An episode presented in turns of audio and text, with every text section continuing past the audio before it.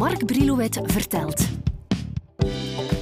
Een swingende podcastreeks over de meest iconische hits en hun al even legendarische uitvoerders.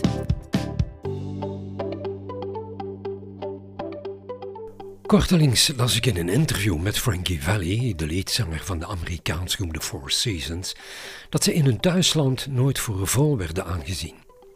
Ze moesten jarenlang opboksen tegen het succes van de Beach Boys die voortdurend de hemel werden ingeprezen.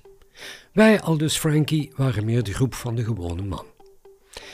Hij legde toen ook een link met de Bee Gees, waarvan hij vond dat die nooit de eer hebben gekregen die ze uiteindelijk na die vele hits toch wel hebben verdiend. En dat deed me denken aan het feit dat ik de hits uit de beginjaren van de Bee Gees niet zo graag hoorde, maar dat hun geluiden en songs me pas begonnen aan te staan toen ze in de jaren 70 met een andere stijl qua songs en zeker qua zangstijl uitpakten. Met plezier besteed ik dan ook deze keer aandacht aan een van hun klassiekers, Stayin' Alive. De Bee Gees droegen altijd het imago mee van brave popgroep, maar dat strookte niet met de realiteit. Ze kenden tijdens hun 41-jarig bestaan veel ups en downs.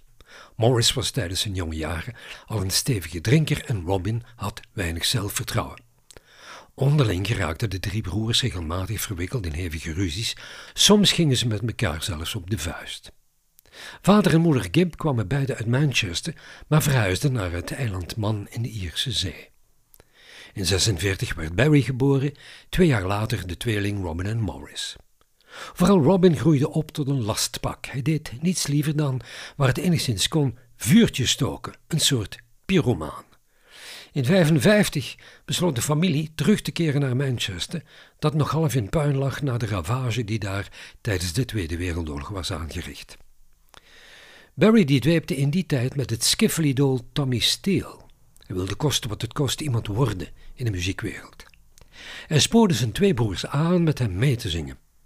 Ook Elvis Presley werd hun grote voorbeeld. Barry richtte met zijn broers het groepje The Rattlesnakes op. Ze gingen optreden in de kleinere pubs in Manchester. Pa en ma hadden niets anders dan last met hun kinderen. Via vechtpartijen en winkeldiefstallen kwamen ze vaak in aanraking met de politie. Thuis was er ook voortdurend geldgebrek. Maart 58 wordt zoontje Andy geboren en vijf maanden later gaat de familie haar heil zoeken in Australië. Daar bloeden ze helemaal open. Het is hier dat ze al maar vaker gingen optreden. De Brothers Gibb werden stilaan de Bee Gees. Where is the sun that shone on my head? The sun in my life, it is dead, it is dead. Is the light that would play in my streets? And where are the friends I could meet? I could meet. Spix and Specs, de allereerste hit die de Bee Gees scoorden toen ze naar Engeland waren teruggekeerd en contact hadden gezocht met Robert Stickwood, die hen aan een fenomenale carrière zal helpen. Ik sla voor ons verhaal dat ik met zeven mijlslaarzen aan u vertel een hele periode over en pik de draad op in 78. De Bee Gees plannen een nieuw album. Ze hadden intussen een tweede hitadem gevonden en waren er zich niet van bewust dat er zich een derde zou aankondigen. Op een palmarès prijkten onder meer hits die ze in de jaren 60 hadden gescoord, onder andere I've Gotta Get a Message to You en I Started a Joke. In Amerika scoorden ze aan het begin van de jaren 70 zeer hoog met Lonely Days en How Can You Mend a Broken Heart. Het vreemde is dat die songs in Europa zo goed als geen deining in het hitwater veroorzaakten. Lonely Days hield in Billboard's Hot 100 halt op de derde plaats en How Can You Mend a Broken Heart stond in de zomer van 71 zelfs op één in de Amerikaanse hitlijsten.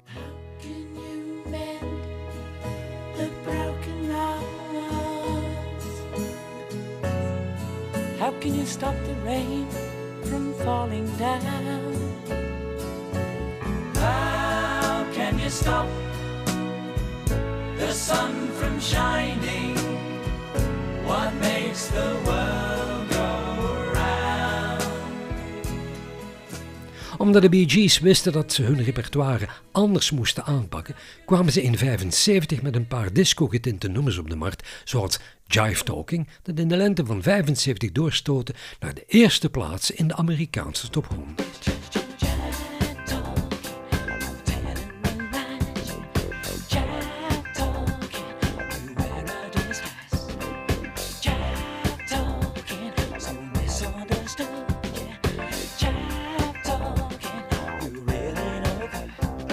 Nadien volgde het nummer Nights on Broadway en vervolgens in 76 opnieuw nummer 1, die er vooral bij de dansers inging als zoete dansante koek. You Should Be Dancing.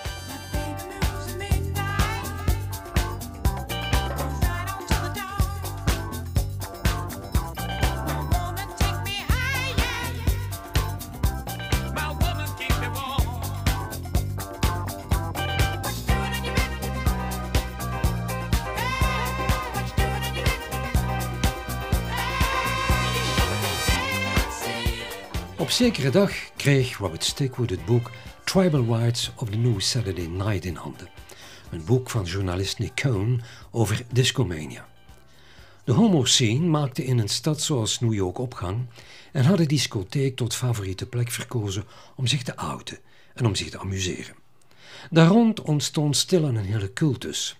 Stigwood zag na het lezen van dat boek van Nick Cohn meteen een verhaal in zijn hoofd opduiken. Ik kocht de rechten van het boek en gaf aan scenarist Norman Wexler de opdracht het film klaar te maken. Iets later komt Norman bij Robert langs met onder de arm het script voor Saturday Night Fever.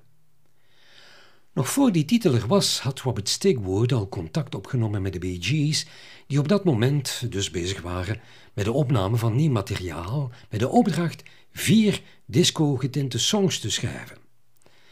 Waren omwille van te hoge belastingen voor die opname uitgeweken naar Studio Château de Rouville in Frankrijk, waaronder meer ook Pink Floyd had opgenomen. Robert vroeg aan eh, Barry Gibb een song te schrijven die zo'n acht minuten zou duren. Het moest de meest opvallende scène in de film worden, met op de dansvloer John Travolta en Donna Pesco. Robert had een soort uh, balletscène voor ogen, met daarin zelfs een traag gedeelte, een soort ballet, dat dan moest overgaan in een dansante apotheose. Het nummer Stayin' Alive, dat de Bee Gees een paar jaar eerder al hadden geschreven, met als titel Saturday Night, en dat Robert hen al eerder had horen zingen, en waarmee de Bee Gees na het bezoek van Robert in Frankrijk een paar weken later in een demo verwerkt op de proppen kwamen, kwam daarvoor in aanmerking maar de Bee Gees hadden al gepland dat dit de volgende single zou worden en weigerden aan dat nummer te gaan sleutelen. Robert had ook verwacht dat ze de vroegere titel Saturday Night zouden behouden, maar daar wilden de jongens niks van weten, want het was op dat moment het meest gebruikte woord in songteksten. Trouwens hadden het nummer Night Fever ook al klaar en tweemaal dat woord op één album wilden ze niet.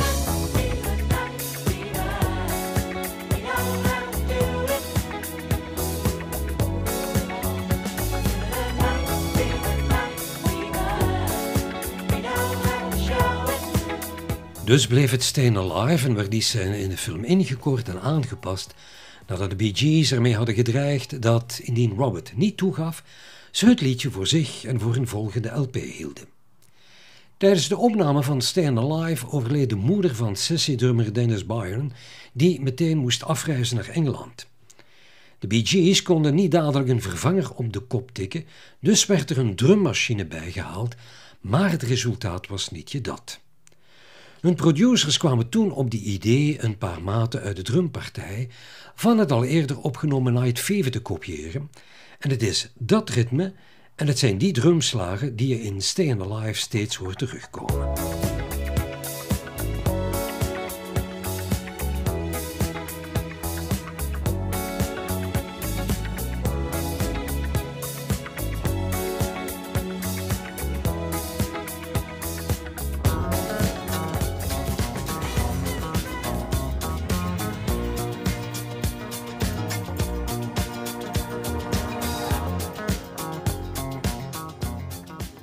De 14 december 1977 gaat de film Night Fever met John Travolta in de rol van Tony Manero in de Amerikaanse bioscopen in première. De week voordien had Robert Stigwood een promospotje van 30 seconden laten maken, waarin het opzwepende ritme van Stay Alive nadrukkelijk aanwezig is.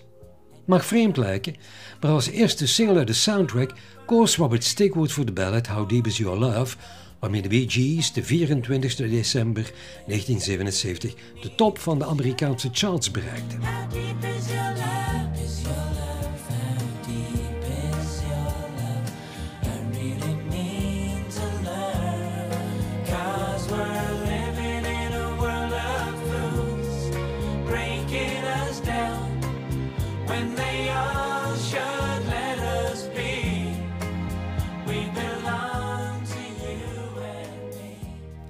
Nog voor How Your Love op één belandde en vooraleer de soundtrack op de markt was, werd onder druk van het publiek Stay Alive op single uitgebracht. Een song waaraan Barry na al die jaren een niet zo beste indruk overhoudt. Alhoewel. Every time anyone asks me about it, my mouth goes dry. It's become the kind of subject matter that to talk about actually will make you nauseous. Um, but that's one side of my brain. The other side of my brain says, wasn't that a wonderful time? and it wasn't really about the Bee Gees, so don't worry about it. You know, it was about a period of time where everybody sort of was going through a party mode, as it were. Maybe it was something else we were trying to get over, which is probably the peace movement and things like that. So it was time for energy to come up as opposed to be down.